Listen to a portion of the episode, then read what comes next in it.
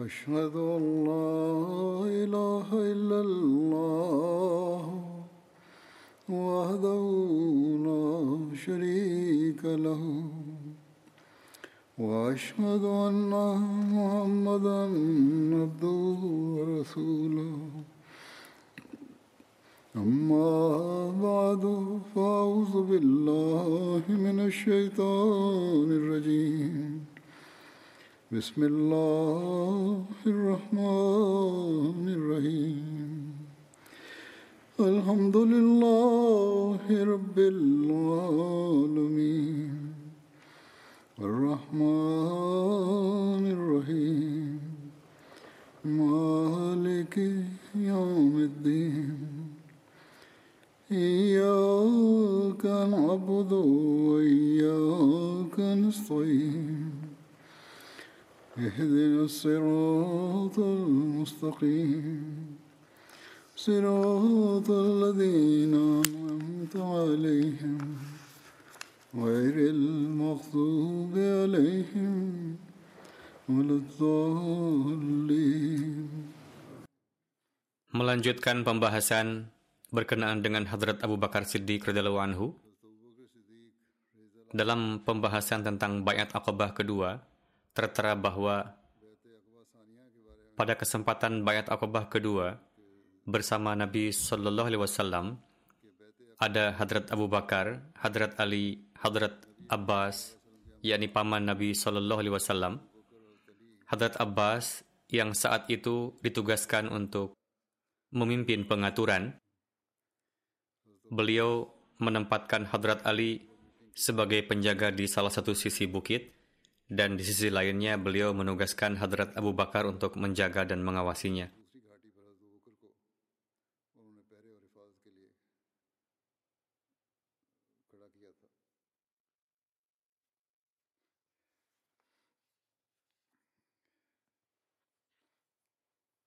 Lalu pada peristiwa hijrah yang mulia Nabi Shallallahu Alaihi Wasallam ke Madinah, tertera tentang Hadrat Abu Bakar Siddiq sebagai sahabat yang menemani beliau, yakni tatkala penganiayaan para kufar Mekah terhadap kaum muslim di Mekah terus semakin meningkat, dan di saat itu di dalam mimpi diperlihatkan kepada Rasulullah tentang tempat tujuan berhijrah beliau yang ditunjukkan kepada dua orang muslim, yaitu tanah gersang yang dikelilingi oleh pepohonan kurma, namun tidak disebutkan apa namanya, Meski demikian, dengan pengamatan geografis dan pemetaan beliau, Rasulullah sendiri berijtihad dengan bersabda, tempat itu adalah Hajar atau Yamamah. Sebagaimana tertera di dalam salah satu riwayat Sahih Bukhari yang mengenainya beliau bersabda, "Fadhahaba wahali ila annahal yamamatu awal awil hajar. Faidha hiyal madinatu yathrib. Yakni saat itu pikiran saya tertuju bahwa tempat itu adalah Yamamah atau Hajar. Namun setelah saya melihatnya itu adalah Yathrib. Yamamah pun adalah nama sebuah kota masyhur di Yaman dan Hajar adalah nama beberapa perkampungan yang ada di wilayah Arab. Salah satu kota dan di da dan daerah di Bahrain pun bernama Hajar Alhasil, setelah beberapa masa, keadaan menjadi berubah.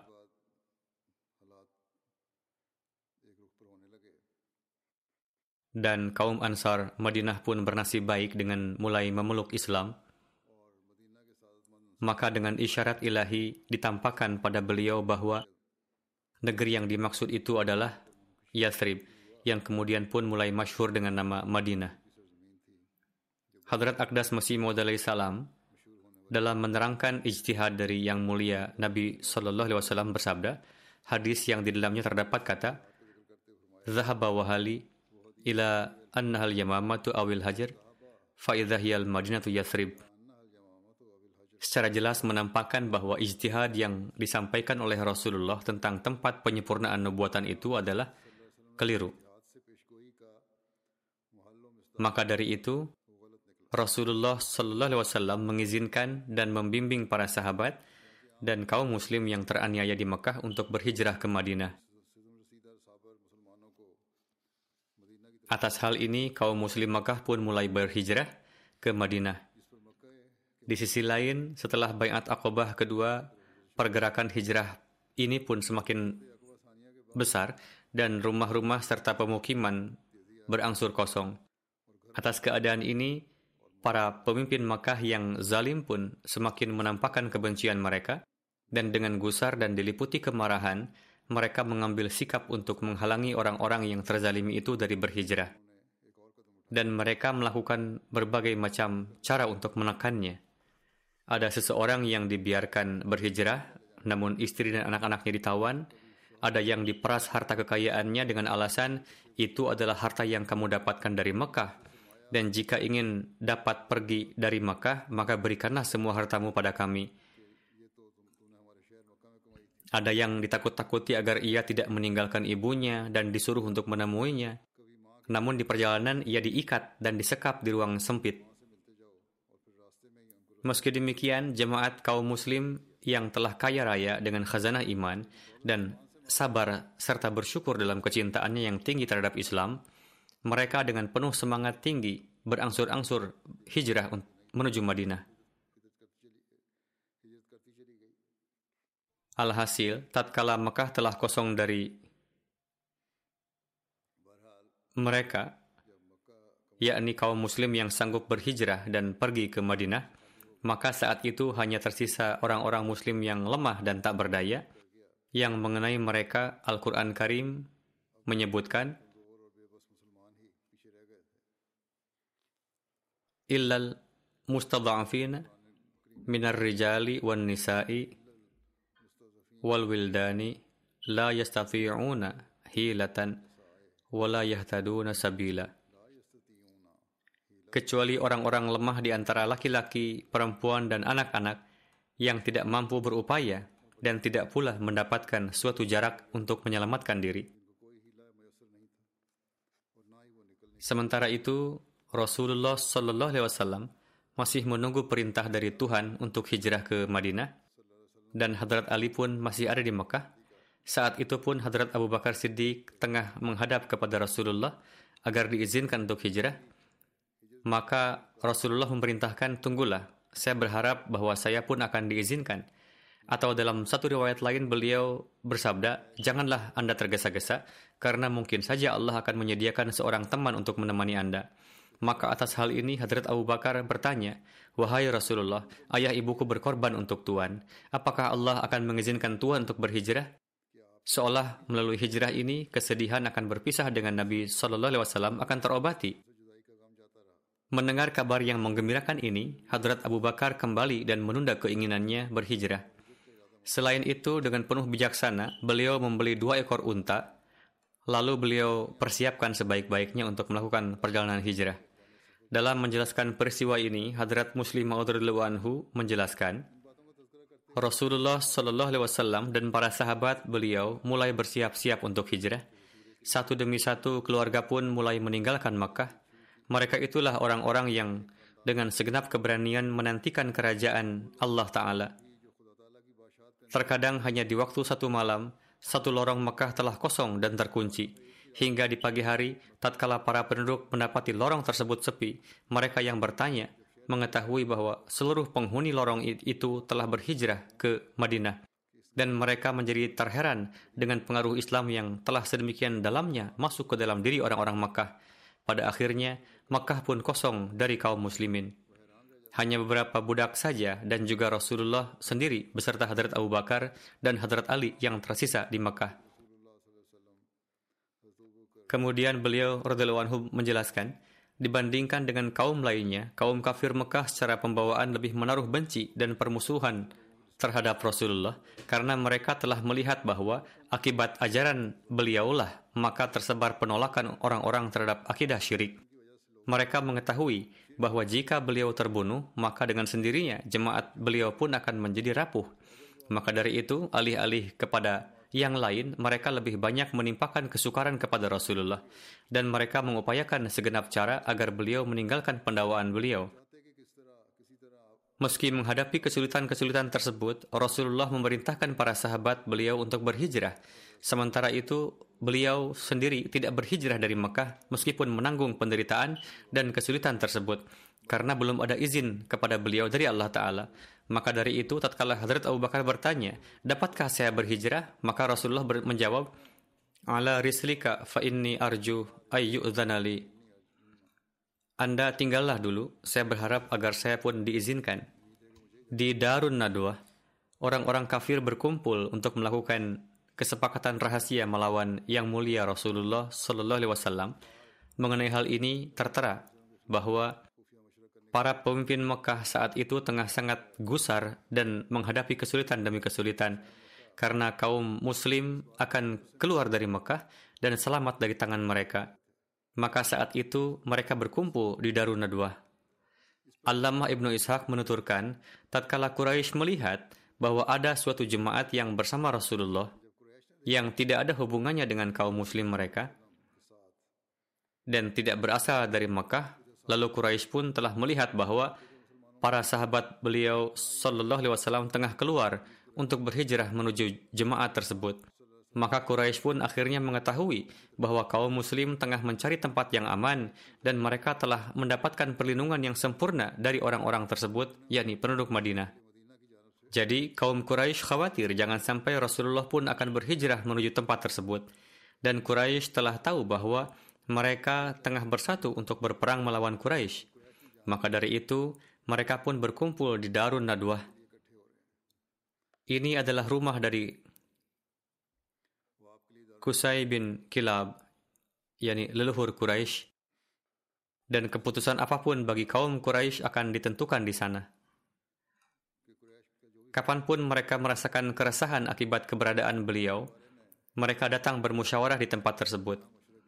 Di dalam satu riwayat lain, Hadrat Abdullah bin Abbas menjelaskan, tatkala orang-orang itu, yakni Quraisy, berkumpul untuk hal tersebut, dan mereka berjanji untuk melakukan sesuatu, maka mereka masuk ke dalam Darun Nadwah untuk bermusyawarah tentang Rasulullah. Pada hari mereka membuat perjanjian, di hari itulah kaum Muslim pergi dan hari itu disebut dengan Yaumul Dohmah. Di hadapan mereka tampak iblis dalam rupa seorang berusia tua. Artinya, ia adalah seorang manusia yang memiliki sifat iblis. Alhasil, tidak ada yang mengetahui siapa gerangan sosok yang tertutup kain dan berdiri di pintu Darun Nadwah itu. Tatkala orang-orang itu melihatnya berdiri di pintu, maka mereka bertanya, "Siapa orang tua ini?" Orang itu menjawab, "Saya orang tua yang berasal dari Najd." Ia lalu berkata, "Saya telah mendengar hal yang telah kalian janjikan bersama." saya datang menemui kalian untuk mendengar apa yang kalian katakan.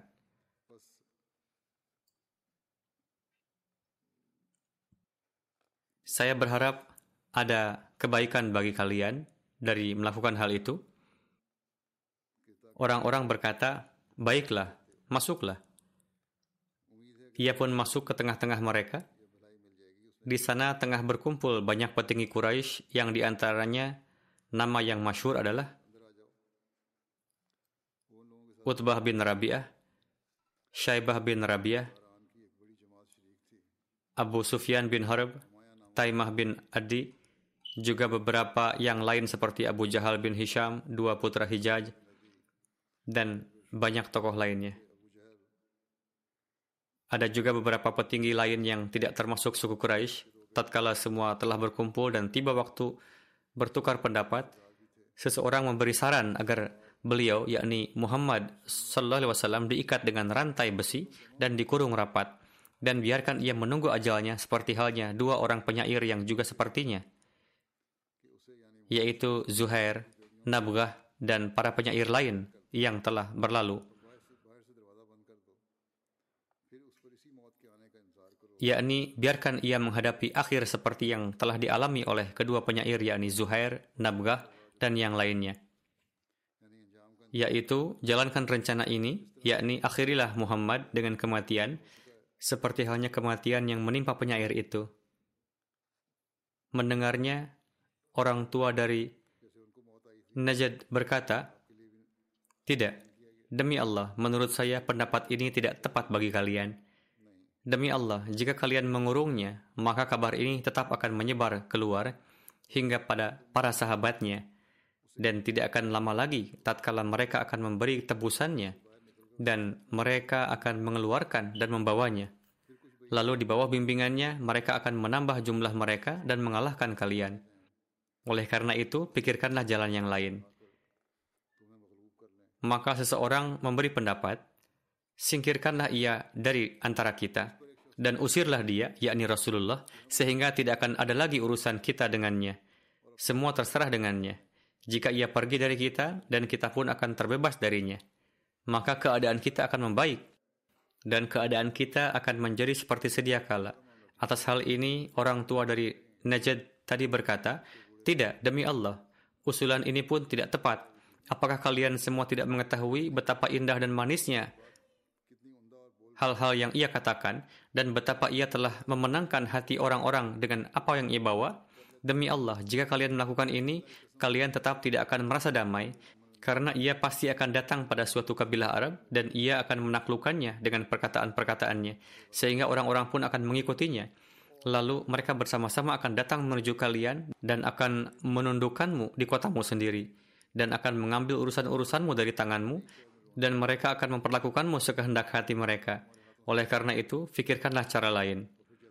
Atas hal ini, Abu Jahal berkata, Usulan saya adalah, hendaknya dipilih dari setiap kabilah seorang pemuda yang perkasa dan berpengaruh, lalu diberikan kepada setiap mereka pedang terhunus yang tajam, lalu diperintahkan mereka untuk menghadapinya, yakni Muhammad Sallallahu Alaihi Wasallam. Lalu seranglah ia dan bunuhlah. Karena dengan cara inilah kita akan mendapat ketenangan. Dengan membunuh seperti ini, maka darahnya akan terbagi pada seluruh kabilah dan Banu Abdul Manaf tidak akan sanggup berperang dengan seluruh kabilah. Sehingga mereka pun akan bersedia menerima diat atau tebusan. Dan kita akan membayar diatnya. Mendengar ini, orang tua dari Najad itu berkata, pendapat yang sebenarnya hanyalah dari orang ini. Yang lain adalah sia-sia belaka. Alhasil, mereka semua menyepakatinya dan meninggalkan tempat itu. Di sisi lain, Allah Ta'ala memberitahukan kepada Rasulullah akan segenap rencana tersebut sebagaimana firman-Nya, Wa idh yamkuru bikal ladzina kafaru liyuthbituka aw yaqtuluka aw yukhrijuka wa yamkuruna wa yamkurullahu wallahu khairul makirin. Dan ingatlah ketika orang-orang kafir merencanakan tipu daya terhadap engkau supaya mereka dapat menangkap engkau atau membunuh engkau atau mengusir engkau. Mereka membuat rencana dan Allah pun membuat rencana dan Allah itu sebaik-baik pembuat rencana. Bersamaan dengan itu, melalui Jibril, Hadrat Rasulullah diizinkan untuk hijrah. Hadrat Masih Maud salam bersabda, kaum kufar Mekah telah berencana untuk membunuh Rasulullah namun Allah Ta'ala mengabarkan rencana jahat tersebut kepada Nabi sucinya. Lalu Allah Ta'ala memerintahkan beliau untuk hijrah dari Mekah ke Madinah, kemudian memberikan kabar suka akan kembali dengan membawa kemenangan dan pertolongan. Cobaan dari sisi Allah Ta'ala tersebut terjadi pada hari Rabu, di siang hari yang sangat panas.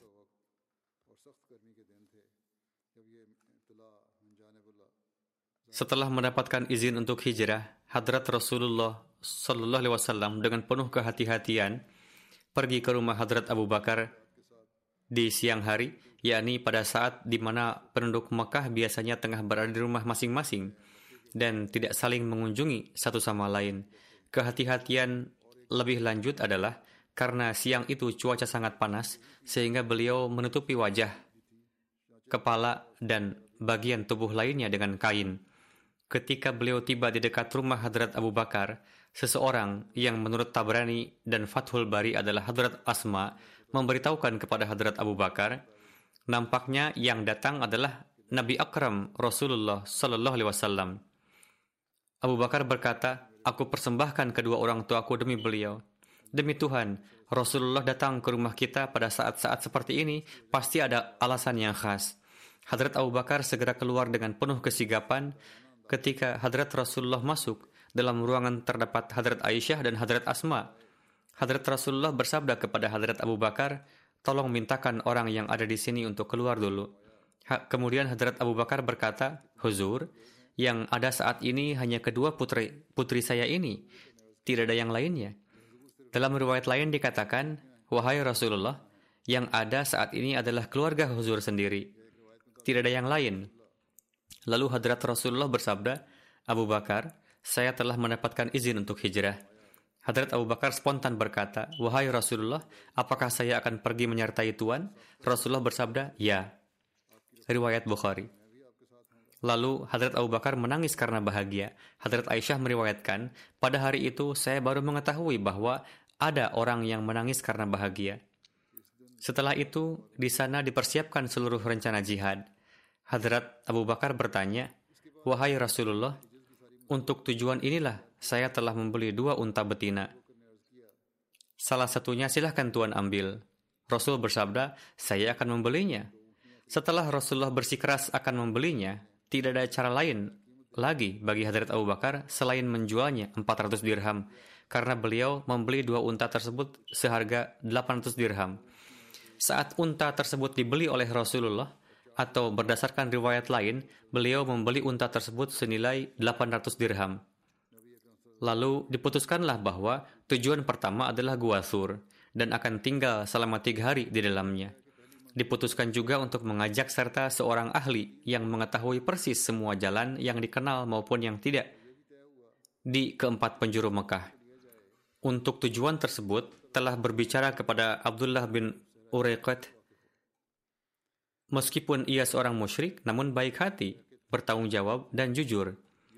Penulis riwayat hidup menulis berkenaan dengan orang itu bahwa ia belum masuk Islam hingga berdasarkan satu riwayat di kemudian hari bayat masuk Islam. Alhasil, tiga unta diserahkan padanya dan diputuskan agar ia pergi ke Gua Sur tepat tiga hari kemudian pada waktu subuh. Hadrat Abdullah bin Abu Bakar, seorang pemuda yang cerdas, ditugaskan untuk berkeliling setiap hari ke tempat-tempat berkumpulnya orang-orang di Mekah, lalu mencari informasi apa yang tengah berlangsung dan malam harinya pergi ke Gua Sur untuk melaporkan semua penemuannya. Adapun budak Hadrat Abu Bakar yang cerdas dan bertanggung jawab bernama Amir bin Fuhairah ditugaskan untuk memberi makan kambing-kambingnya di sekitar Gua Sur, lalu memerah susu segar pada malam hari untuk beliau berdua. Setelah menetapkan waktu keberangkatan dari Makkah, Hadrat Rasulullah segera pulang dari rumah Hadrat Abu Bakar menuju kediaman beliau sendiri. Sesampainya di rumah, Rasulullah menginformasikan rencana hijrah kepada Hadrat Ali, lalu memberikan tugas yang menuntut keberanian untuk tidur pada malam itu di atas ranjang beberkat Rasulullah dengan menutupkan selimut atau cadar hazrami berwarna hijau atau dalam riwayat lain dikatakan berwarna merah yang biasa digunakan oleh Rasulullah sendiri.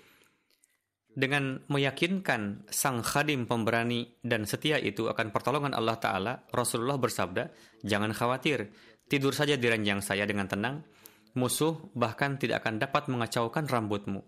Begitu juga karena Rasulullah memikirkan amanat-amanat yang dititipkan kepada beliau untuk penduduk Mekah dan mereka dan merasa bertanggung jawab untuk itu. Untuk itu beliau bersabda kepada Hadrat Ali, kamu nanti menyusul saya setelah terlebih dulu mengembalikan amanat-amanat ini kepada pemiliknya. Yakni beliau bersabda kepada Hadrat Ali, datanglah menyusul ke Madinah setelah terlebih dulu mengembalikan amanat-amanat ini kepada orang-orang. Lalu tetaplah di Mekah hingga tiga hari untuk mengembalikan seluruh amanat Rasulullah kepada orang-orang. Setelah itu temuilah saya di Kaba.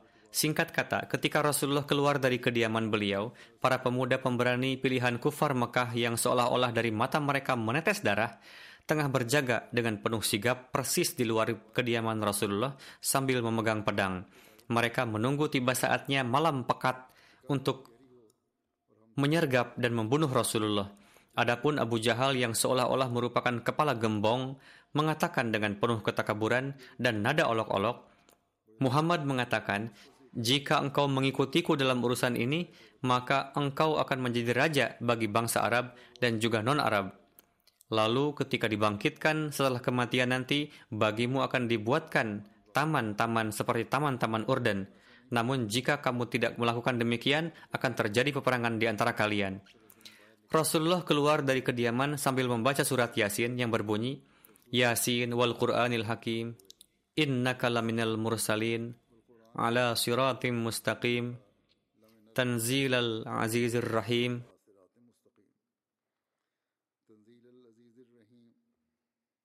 لتنذر قوما ما أنذر آباؤهم فهم غافلون.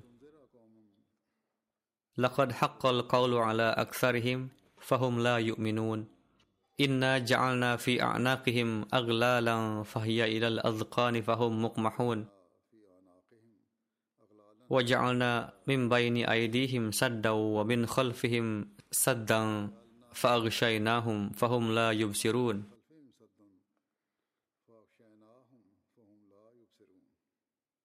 Yasin, wahai pemimpin yang bijak, demi Al-Quran yang penuh hikmah, Sesungguhnya engkau salah seorang dari rasul-rasul. Pada jalan yang lurus inilah wahyu yang diturunkan oleh yang maha perkasa, maha penyayang, agar engkau memberi peringatan kepada suatu kaum yang bapak-bapaknya belum pernah diberi peringatan, maka mereka itu menjadi lalai. Sesungguhnya perkataan ini telah terbukti benar atas kebanyakan mereka, sebab mereka tidak beriman.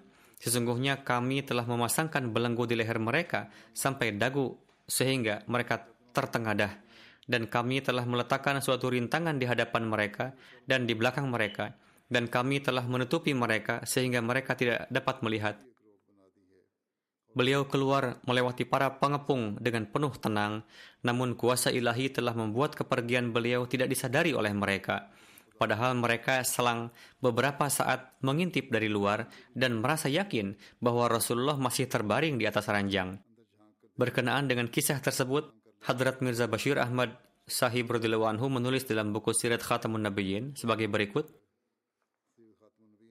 Pada malam yang gelap itu, orang-orang Quraisy kejam yang berasal dari berbagai kafilah telah mengepung sekitar kediaman Rasulullah untuk rencana pembunuhan. Mereka menunggu tiba waktu subuh atau saat beliau keluar dari kediaman untuk kemudian menyerang dan membunuh beliau. Hadrat Rasulullah masih menyimpan barang amanat titipan orang-orang, karena meskipun menentang keras beliau, namun orang-orang tetap saja menitipkan amanatnya kepada Rasulullah disebabkan oleh kejujuran beliau. Untuk itu, beliau menjelaskan perhitungan amanat tersebut kepada Hadrat Ali dan memastikan agar jangan meninggalkan Mekah sebelum mengembalikan seluruh amanat-amanat tersebut. Setelah Rasulullah bersabda kepada Hadrat Ali, nanti kamu berbaring di atas ranjangku. Lalu Rasul meyakinkan Hadrat Ali bahwa dengan karunia Allah Ta'ala tidak akan terjadi sesuatu yang merugikan. Lalu Hadrat Ali berbaring dengan menutupkan kain merah milik Rasulullah di atasnya. Kemudian beliau keluar dengan menyebut nama Allah Ta'ala. Saat itu, para pengepung berada di depan pintu rumah beliau namun karena mereka tidak mengira bahwa Rasulullah akan keluar pada awal malam sekali, sehingga mereka menjadi begitu lalai sampai-sampai Rasulullah berhasil melewati mereka dengan tenang tanpa sepengetahuan mereka. Para pengepung kediaman beliau itu selang beberapa waktu mengintip ke dalam, namun setelah melihat ada orang yang terlentang di atas ranjang, yakni Hadrat Ali, mereka berjaga lagi. Namun ketika subuh, mereka baru menyadari bahwa target sasaran mereka telah lepas. Lalu mereka lari ke sana kemari. Mereka melakukan pencarian di rumah-rumah para sahabat di jalan-jalan Makkah, namun tidak ditemukan. Dalam keadaan emosi seperti itu, mereka menangkap Hadrat Ali dan memukulinya. Dalam menjelaskan hal itu, Hadrat Masih Maud Islam bersabda, ketika Hadrat Rasulullah secara tiba-tiba akan meninggalkan kota tua beliau dan para penentang mengepung kediaman beberkat beliau yang berencana membunuh beliau, pada saat itu seorang saudara tercinta yang wujudnya telah dibalut dengan kecintaan dan iman atas isyarah Nabi bersedia mempertaruhkan nyawa dengan berbaring di atas ranjang Hadrat Rasulullah sambil menutupi wajah dengan tujuan agar para mata-mata musuh tidak mencurigai kepergian Rasulullah, sehingga mereka akan terus berjaga untuk membunuh dengan menganggap orang yang di atas ranjang itu adalah Rasulullah. Sebagaimana syair bahasa Farsi yang artinya,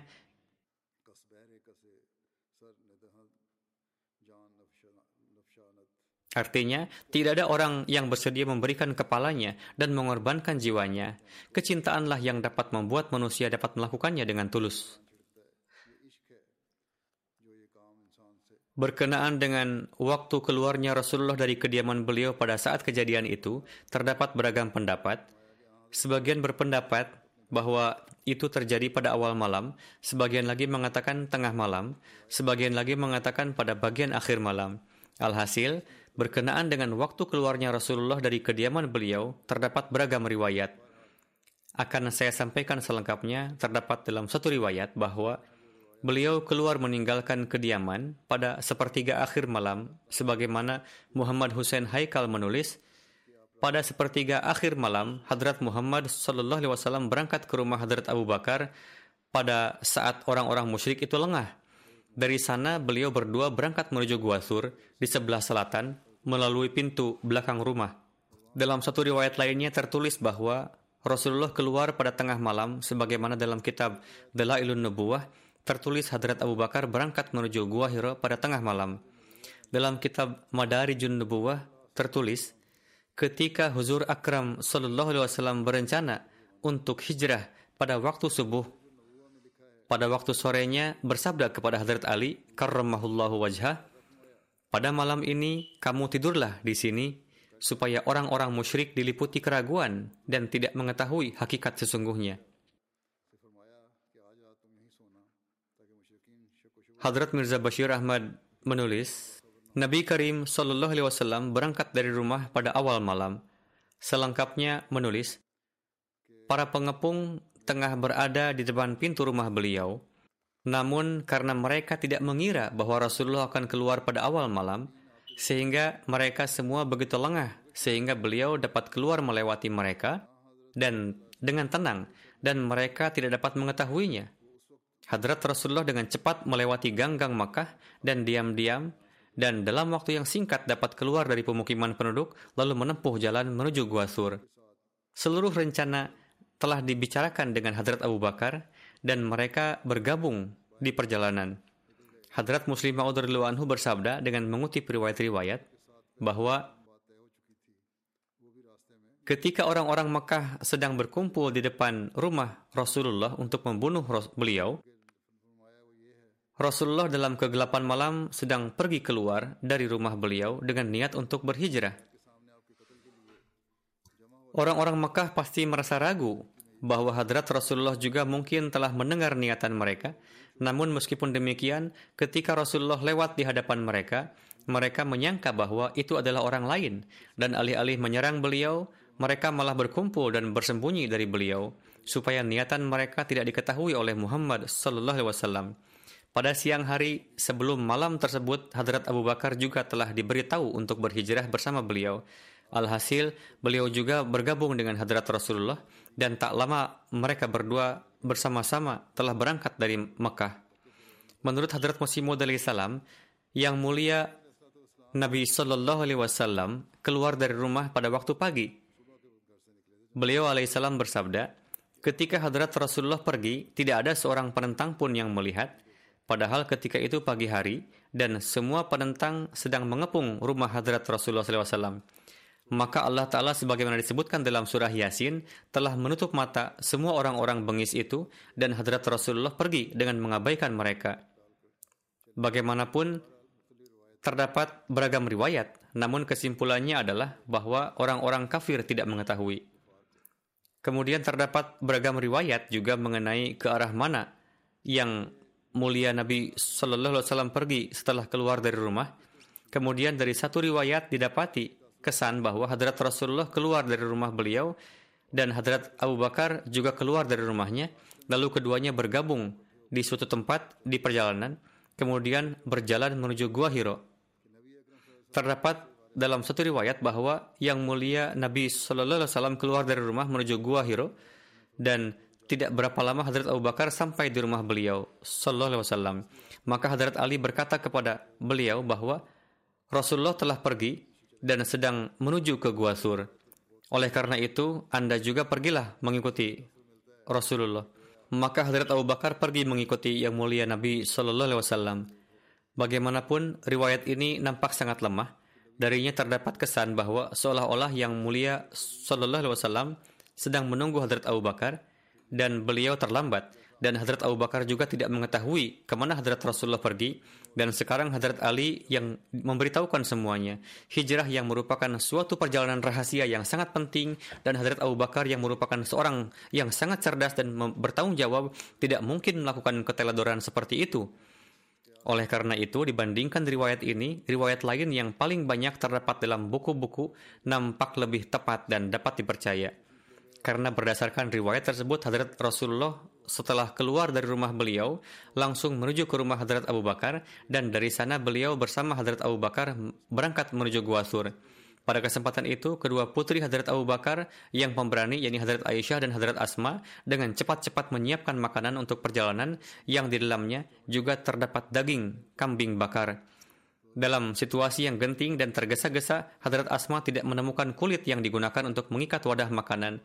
Maka Hadrat Asma membuka nitok, yakni ikat pinggang beliau, dan membaginya menjadi dua bagian lalu mengikat makanan. Satu bagian beliau gunakan untuk mengikat rantang makanan dan satunya lagi untuk mengikat mulut kantung air. Hadrat Rasulullah memperhatikan momen tersebut dengan seksama. Rasulullah bersabda, Wahai Asma, sebagai ganti dari nitokmu ini, Allah akan memberikan kepadamu dua nitok di surga, yakni kain ikat pinggang. Dikarenakan sabda Hadrat Rasulullah ini, di kemudian hari Hadrat Asma dijuluki Zatun nit, Nitakain. Dalam perjalanan hijrah ini yang mulia Rasulullah sambil berjalan mewiridkan ayat berikut ini adkhilni mudkhala sidqi wa akhrijni mukhraja sidqi waj'alni min ladunka sultanan nasira. Dan katakanlah ya Tuhanku masukkanlah aku sedemikian rupa sehingga aku masuk dengan kebenaran dan keluarkanlah aku sedemikian rupa sehingga aku keluar dengan kebenaran dan anugerahkanlah kepadaku dari sisi engkau penolong yang kuat. Demikian juga dalam riwayat terdapat doa berikut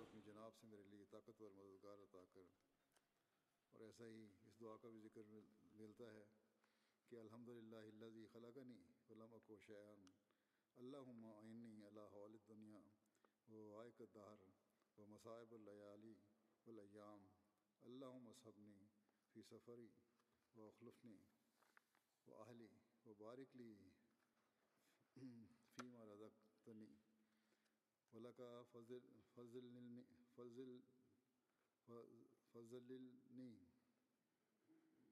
و علا صالح خلقی فقبن قبم قبم نی و الا ربی فحبب نی و الناس فلا تکلنی انت رب المستفین و انت ربی اعظب وجہ کل کریم الزی اشرکت اشرکت لہ السماوات والارض و کشفت به الظلمات وصلاه عليه امر امر الاولين والاخرين ان يهلا بي غضبك او ينزل علي ست سخطك اعوذ بك من زوال نعمتك وفوجات نقمتك وتحول عاقبتك وجميع سخطك لقل اتبا خیر ماستطاعت و Segala puji bagi Allah yang telah menciptakanku, sementara aku sebelum itu tidak ada. Ya Allah, tolonglah aku atas ketakutan dunia dan bencana-bencana zaman, serta musibah-musibah malam dan siang. Ya Allah, temanilah aku dalam perjalananku, Gantikanlah aku dalam menjaga keluargaku, dan berkahilah aku dalam segala yang engkau anugerahkan. Jadikanlah aku hanya tunduk kepadamu. Tetapkanlah aku pada penciptaanku yang baik. Jadikan aku selalu mencintaimu, dan jangan serahkan aku pada manusia. Tuhan orang-orang yang lemah, engkaulah Tuhanku. Aku berlindung dengan wajahmu yang mulia, yang maha mulia, yang menyinari langit dan bumi, menyingkap kegelapan, serta menjadikan baik perkara orang-orang terdahulu dan orang-orang setelahnya, agar kemarahanmu tidak mengenaiku dan kemurkaanmu tidak turun kepadaku. Aku berlindung kepadamu dari hilangnya nikmatmu, dari datangnya siksamu secara tiba-tiba, dari berubahnya keputusan terakhirmu mengenai diriku.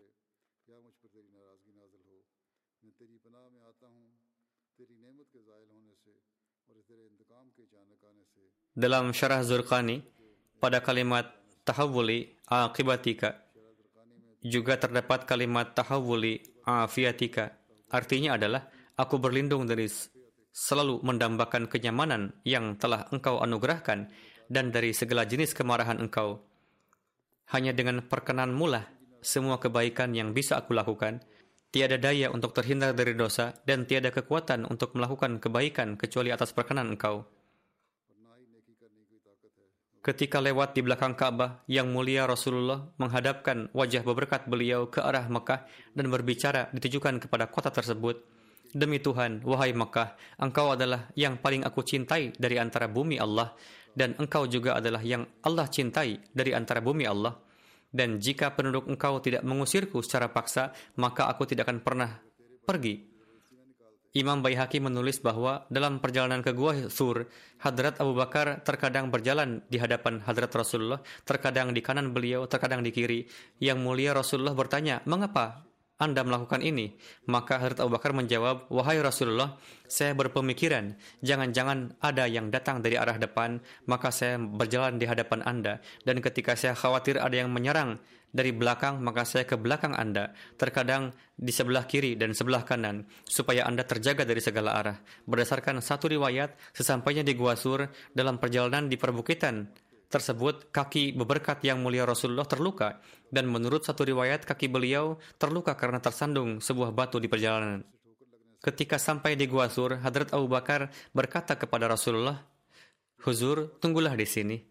Biarkan saya yang masuk ke dalam terlebih dahulu. Supaya saya membersihkan gua ini dan jika ada sesuatu yang berbahaya maka akan saya hadapi.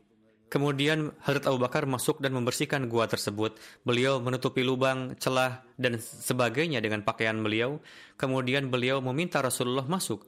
Diriwayatkan bahwa yang mulia Rasulullah berbaring dengan meletakkan kepala beliau di paha Hadrat Abu Bakar dan ada sebuah lubang yang tidak tertutup kain atau saat itu tidak terlihat Hadrat Abu Bakar meletakkan kaki beliau di atasnya. Terdapat dalam riwayat bahwa seekor kalajengking atau ular dan sebagainya menyengat dari lubang tersebut. Namun Hadrat Abu Bakar karena khawatir jika bergerak akan mengganggu ketenangan Rasulullah, untuk itu Abu Bakar tidak bergerak hingga ketika yang mulia Rasulullah membuka mata, beliau melihat rona wajah Hadrat Abu Bakar berubah dan bertanya, "Apa yang terjadi?"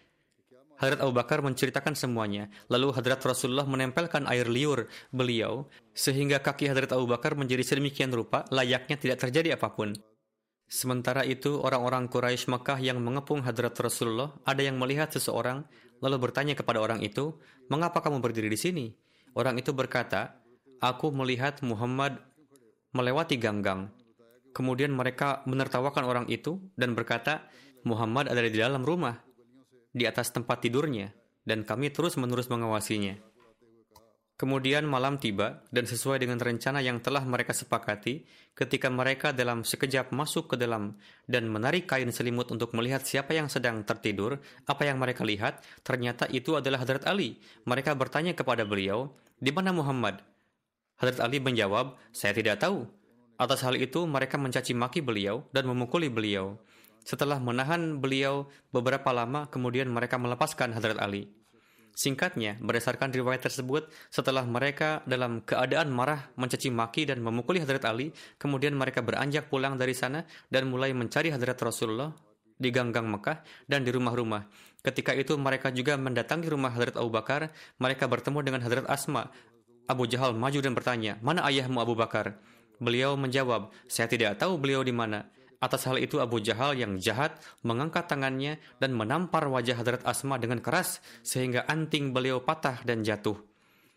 Semua orang itu pulang kembali dalam keadaan marah. Setelah gagal melakukan pencarian di Makkah, lalu mereka memberangkatkan para ahli pencari jejak ke semua penjuru Makkah. Pemimpin Makkah Umayyah bin Khalaf, ia sendiri membawa seorang pencari jejak ulung dan pergi ke satu arah bersama kawan-kawannya dan tidak diragukan lagi bahwa pencari jejak atau penyidik ini adalah seorang yang sangat ahli. Keahliannya sangat patut dipuji karena dialah satu-satunya penjelajah yang berhasil menelusuri jejak kaki Rasulullah hingga sampai di mulut Gua Sur. Ia mengatakan jejak kaki Muhammad berakhir di sini. Ia tidak pergi lebih jauh dari ini. Allamah Baladari meriwayatkan bahwa nama pencari jejak tersebut adalah Al-Qamah bin Kursh dan menulis bahwa pada peristiwa Fatah Mekah ia bayat masuk Islam. Mereka berdiri di mulut Gua Sur sambil berbincang-bincang dan kedua orang yang hijrah itu tidak hanya bersembunyi tepat di dalam gua tersebut dan mendengar percakapan mereka. Bahkan Hazrat Abu Bakar meriwayatkan, saya juga melihat kaki mereka dan demi Allah, jika salah satu dari mereka mengintip ke dalam gua, maka kami akan tertangkap. Namun di momen berbahaya dan sulit ini, mereka tidak hanya berdua, melainkan yang ketiga bersama mereka adalah Allah Ta'ala, yang dalam cengkeraman kekuasaannya lah, bumi dan langit, dan juga yang maha kuasa. Sebelum mereka datang, dia dengan kekuasaannya yang ajaib telah menumbuhkan sebatang pohon di sana. Dia telah mengirim seekor laba-laba untuk menenun jaring di mulut gua dan mengirim sepasang merpati untuk membuat sarang dan bertelur di sana. Ini terdapat dalam riwayat. Kemudian mengenai bagaimana Allah Ta'ala telah memberikan ketentraman kepada hadrat Rasulullah SAW dan Rasulullah atas perintah Allah Ta'ala telah menenangkan hadrat Abu Bakar, insya Allah akan disampaikan pada kesempatan yang akan datang.